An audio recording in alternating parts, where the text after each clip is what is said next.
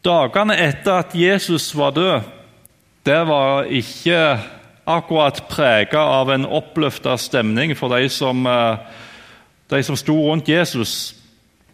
Det var ikke sånn at de trodde at eh, nå, nå var den virkelige seieren den var et, et faktum.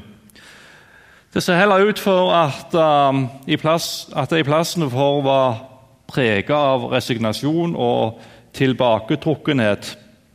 Den personen de hadde satsa alt på, den var nå borte. De sto ikke lenger på torget i sammen med Jesus.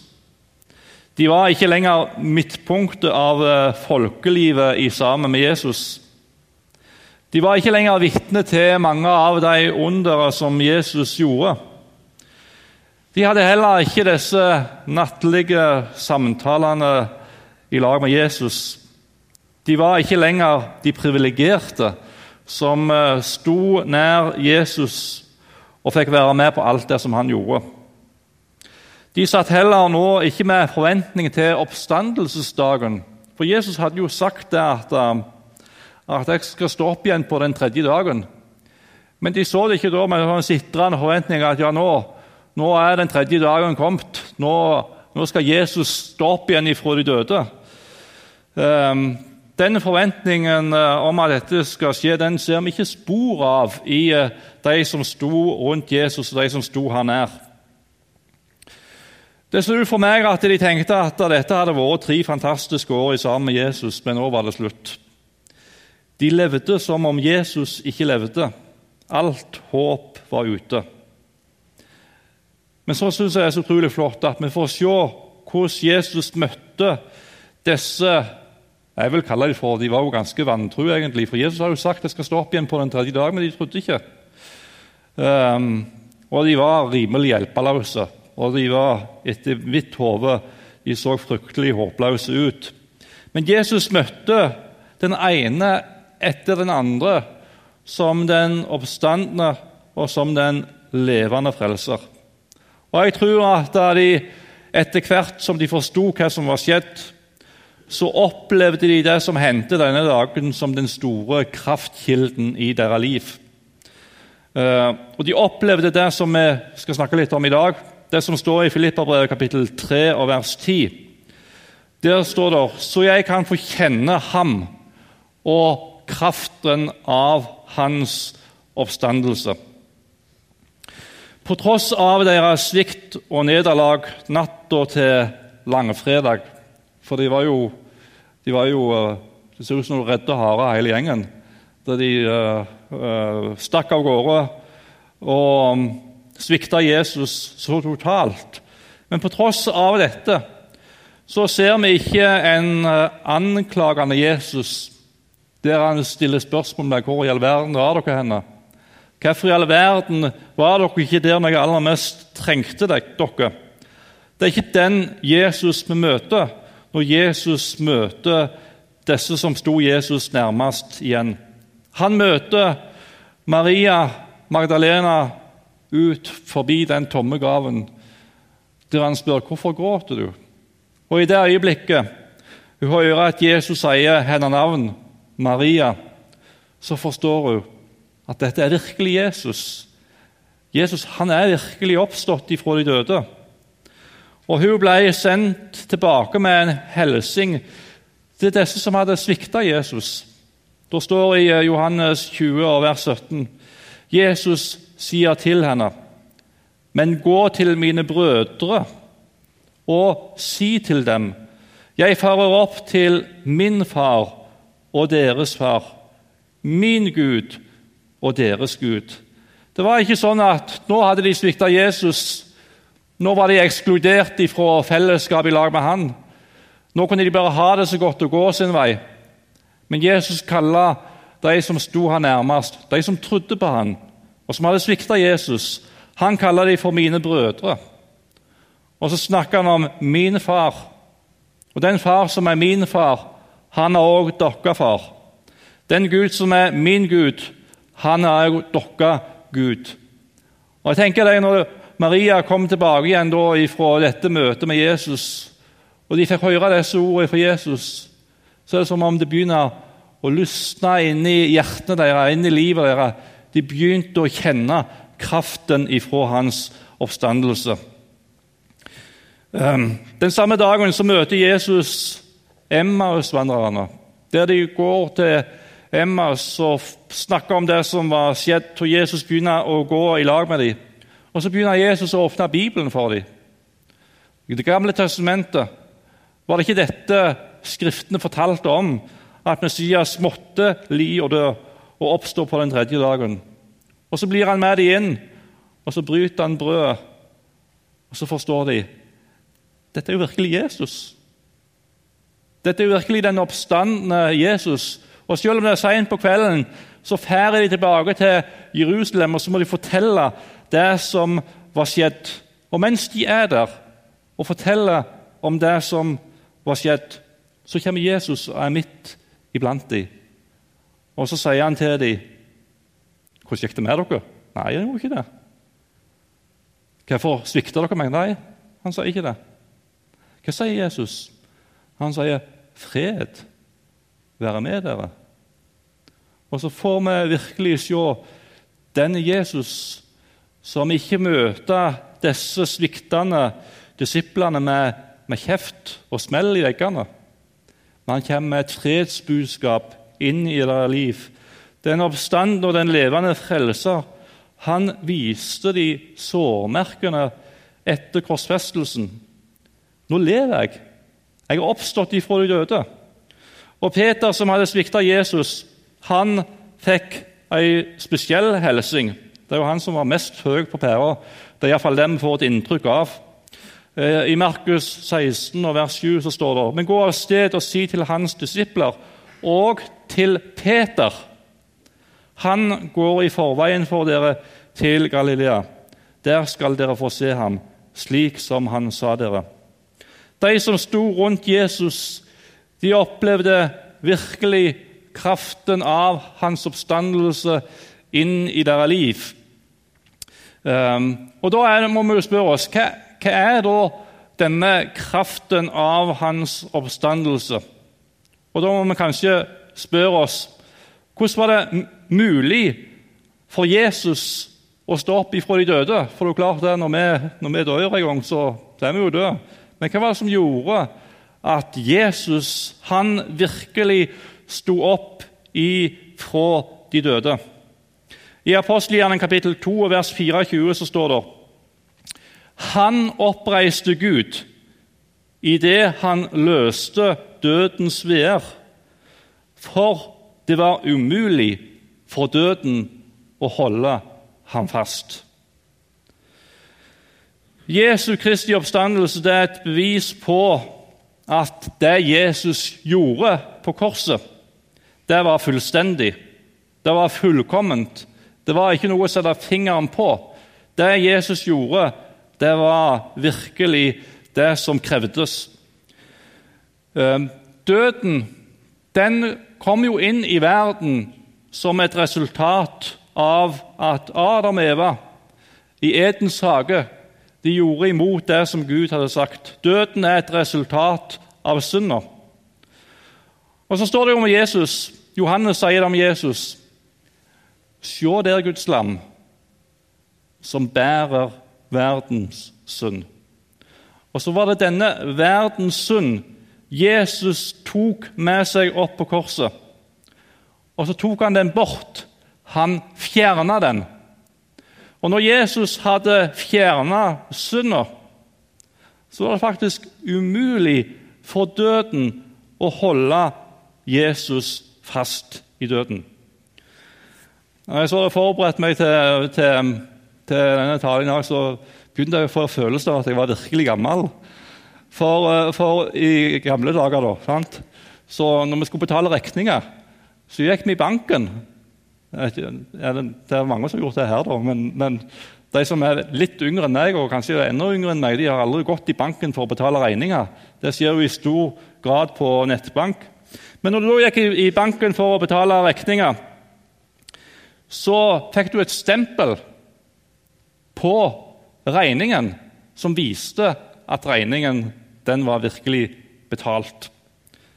Um, Og så er det som om Gud han setter et sånt stempel på Jesus med Jesus sin oppstandelse. For det var umulig for døden å holde han fast.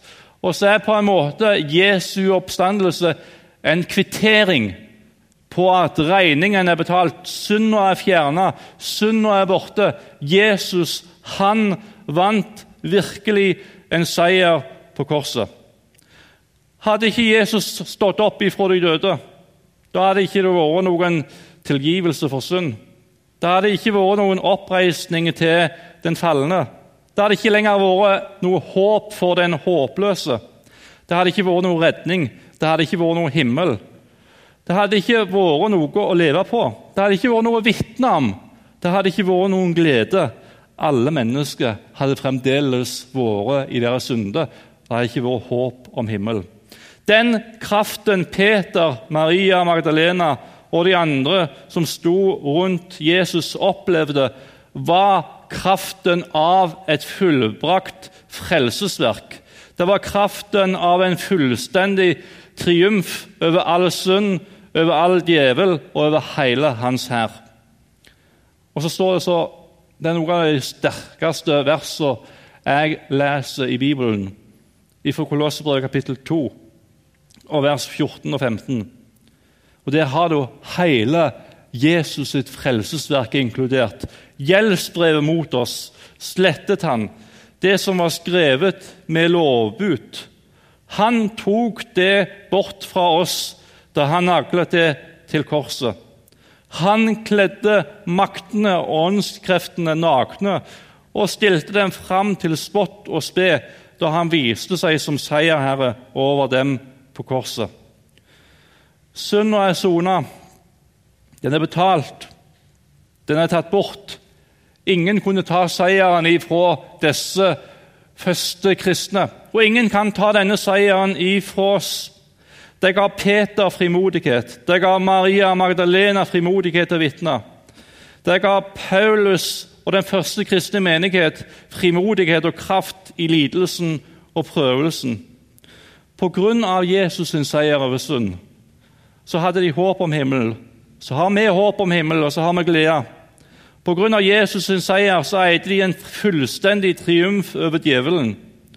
Om de igjen skulle dø for Jesu navns skyld, så eide de en forsikring om at i det øyeblikket jeg drar mitt siste pust her nede på jorda, så skal jeg dra mitt første pust over på den andre sida. De fikk oppleve den aller største seier som noen kunne få lov til å oppleve. Disse martyrene med det som i den første kristne menighet de ble forfremma til det evige livet. De fikk oppleve kraften av hans oppstandelse. I forkant av det vi leste i, i Filipperbrevet kapittel 3 og vers 10, 10, så står det noe om, at, noe om at denne kraften er å slippe Jesus seier inn i vår liv med hele sin tyngde. Uh, om vi skal lese det, så står fra vers 7 til 9, for jeg tror faktisk at dette er noe som er avgjørende inn i våre egne liv for at denne seieren, denne kraften ifra hans oppstandelse, skal bli en realitet i mitt liv og i ditt liv. Og Her står det Men det som var en vinning for meg, det regner jeg nå for Kristi skyld som tap. Ja, jeg regner alt som tap, fordi det å kjenne Kristus Jesus, min Herre, er så mye mer verdt. For Hans skyld har jeg tapt alt, og alt jeg har tapt, regner jeg som verdiløst skrap.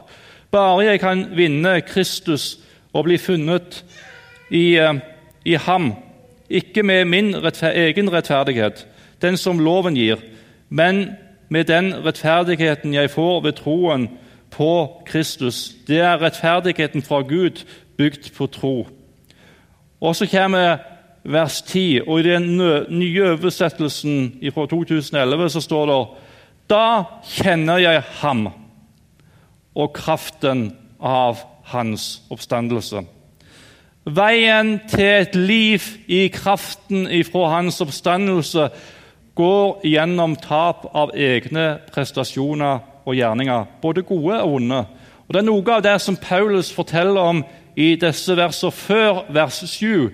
Så står det noe om disse tingene som Paulus hadde å skryte av. Og så står det også noen av hans nederlag. Det som var en vinning for meg, det har jeg for Kristi skyld aktet som tap.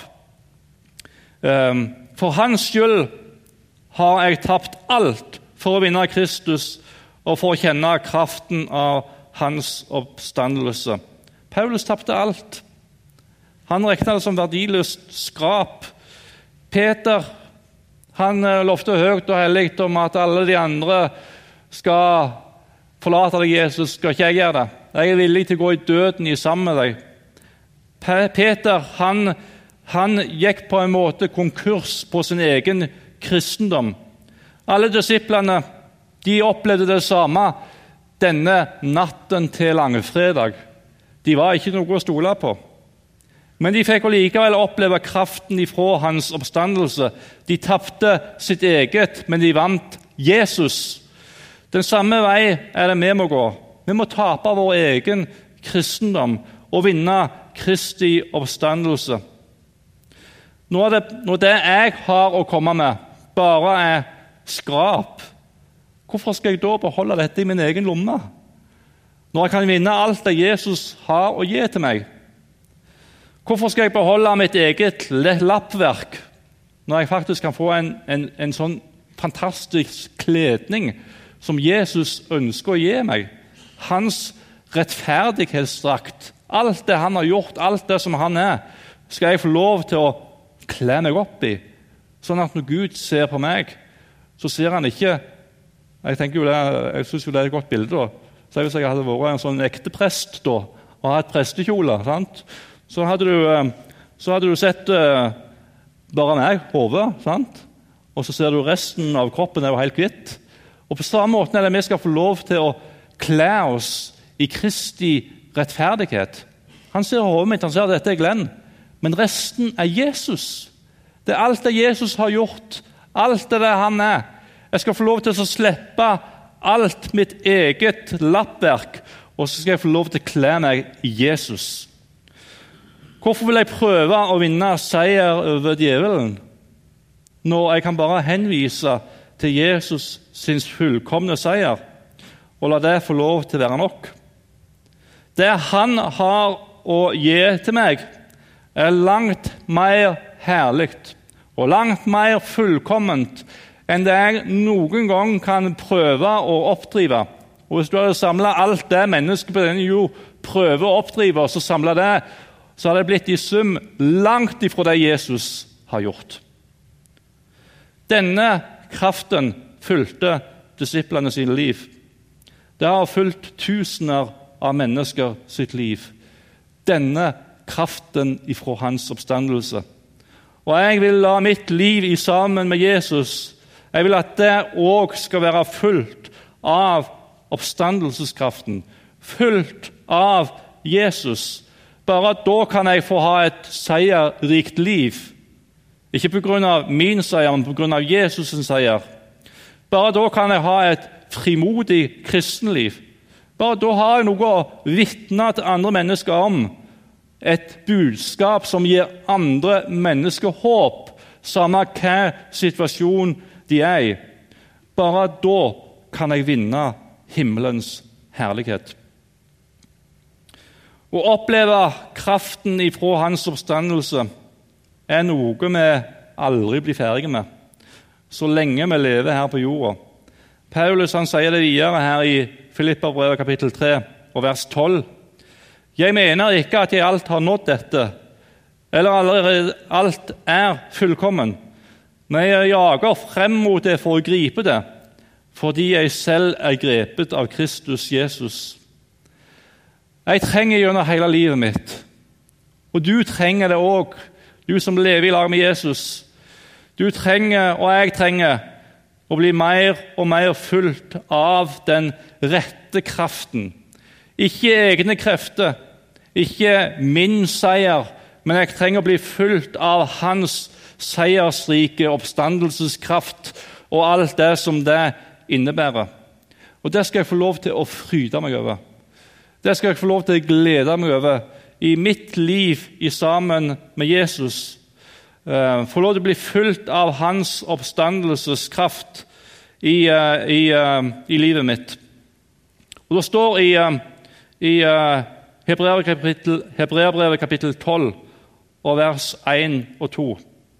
Derfor, når vi har så stor en sky av vitner omkring oss, så la oss legge av alt som tynger, og synden som så lett fanger oss inn, og med utholdenhet fullføre det løpet som ligger foran oss, med blikket festet på Han, som er troens opphavsmann og fullender, Jesus. For å få den gleden han hadde i vente, holdt han ut på korset uten å bry seg om skammen, og nå har han satt seg på høyre side av Guds trone. Jeg skal få lov i mitt liv i sammen med Jesus og så feste blikket på ham. Han som er troens opphavsmann og fullender. Det er hans kraft jeg skal få lov til å være fulgt av. Det er han jeg skal få lov til å feste blikket mitt på. Og så skal vi få lov denne dagen her å virkelig se den oppstandende, den levende frelser. Og han lever i dag. Han lever i dag i, i mitt hjerte og i mitt liv. Han lever i dag i denne byen her, gjennom alle mennesker som, som, eh, som tror på han. I, eh, ifra dette møtet med den oppstandende og levende frelser så gikk disiplene ut med en ny frimodighet som ingen kunne ta ifra dem. De levde som om Jesus levde. Tidligere så levde de eh, side om side sammen med Jesus. Nå levde han i dem. Og Det gikk ut til verden med et håp, eh, til en verden uten håp, med håpets budskap til alle mennesker. Jesus lever. Og det, Når du leser gjennom hele apostlenes gjerninger, så er det det budskapet de deler med mennesker. En Jesus som levde her nede på jord, som var et, et, et, et fullt ut menneske, men som samtidig var Gud. Et menneske som gikk opp til korset og tok på seg all verdens synd. Et menneske som sto opp ifra de døde. Og den Jesus som viste seg i, i, eh, blant Israels land og folk, det er den Messias som eh, Skriftene fortalte om. Og så gikk de ut med en sånn frimodighet. Tenk, Jesus lever. Tenk, Jesus lever. Um, også til oss som lever i dag. Så jeg har lyst til å si Lev ikke som om Jesus ikke lever, men lev som om Jesus lever, for han lever virkelig. Han er virkelig oppstått ifra de døde. Og Jeg tror ofte i våre liv så kan vi komme inn i et spor der vi lever som om Jesus ikke lever. Akkurat sånn som disiplene gjorde det. Der vi sitter bak stengte dører med en fortvilelse, med en nød, med vanskeligheter, med utfordringer på mange ulike måter. Og Vi kan kjenne på svikt og vi kan kjenne på nederlag. Og så er det som om kreftene blir sugd ut av oss. Jeg har lyst til å si det til deg i dag. Lev ikke som om Jesus ikke lever. Og så Tenk nå på denne dagen her. Hvordan Jesus møtte de ulike disiplene, de som sto Jesus nær. Hvordan han møtte dem på ulike måter med et budskap om fred, der han kom dem i møte som den oppstandende, levende frelser. Så kommer Jesus deg i møte i dag nettopp på samme måte. Det er håp. Det er håp for de aller mest håpløse. Jesus han har seira over all synd. Jesus har seira over all djevel. Jesus han har seira over all ondskap i denne verden. Og denne seieren, den er min. Det er min seier. Det er ikke bare en seier for menneskeheten, men det er min seier. Det er min seier, og så kan jeg få lov til å fryde meg og glede meg over hans store frelse. Jesus vant, og jeg har vunnet. Og så tenker jeg ofte på Jeg er jo ikke så veldig interessert i fotball. Da. Det er sikkert andre som er interessert i det enn meg. Men uh, det er jo av og til interessant da, å se på fotballkamp, syns jeg. da. Jeg, synes, jeg, blir ikke så veldig engasjert, men det kan være interessant da, å se av og til. Og så ser du da uh, Når det er laget som de heier på, vinner, så begynner de å synge ut. sant? Seieren er vår. Seieren er vår. Vi har vunnet. Seieren er vår.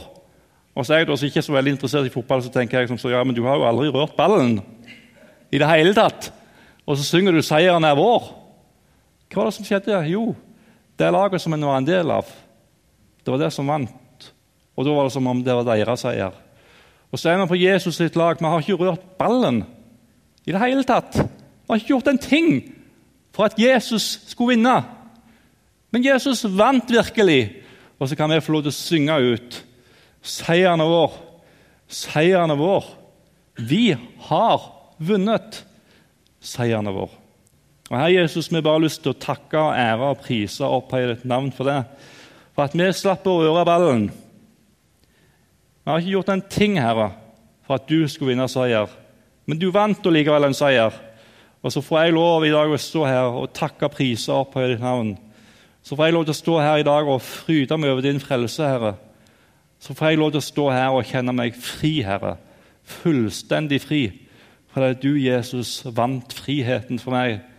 Og Jeg har lyst til å takke deg, Herre, for at du gikk veien opp til korset. Takk for at du vant seier, Herre.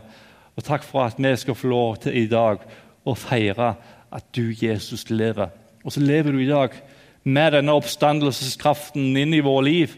Og så er det det vi skal få lov til å dele ut til mennesker som ikke kjenner deg. At du har vunnet seier, Herre. Du har vunnet seier over all synd, over all djevel, over all ondskap. Og så er det det som bringer verden håp. Og Jeg takker og priser deg, Herre, for det. I ditt navn.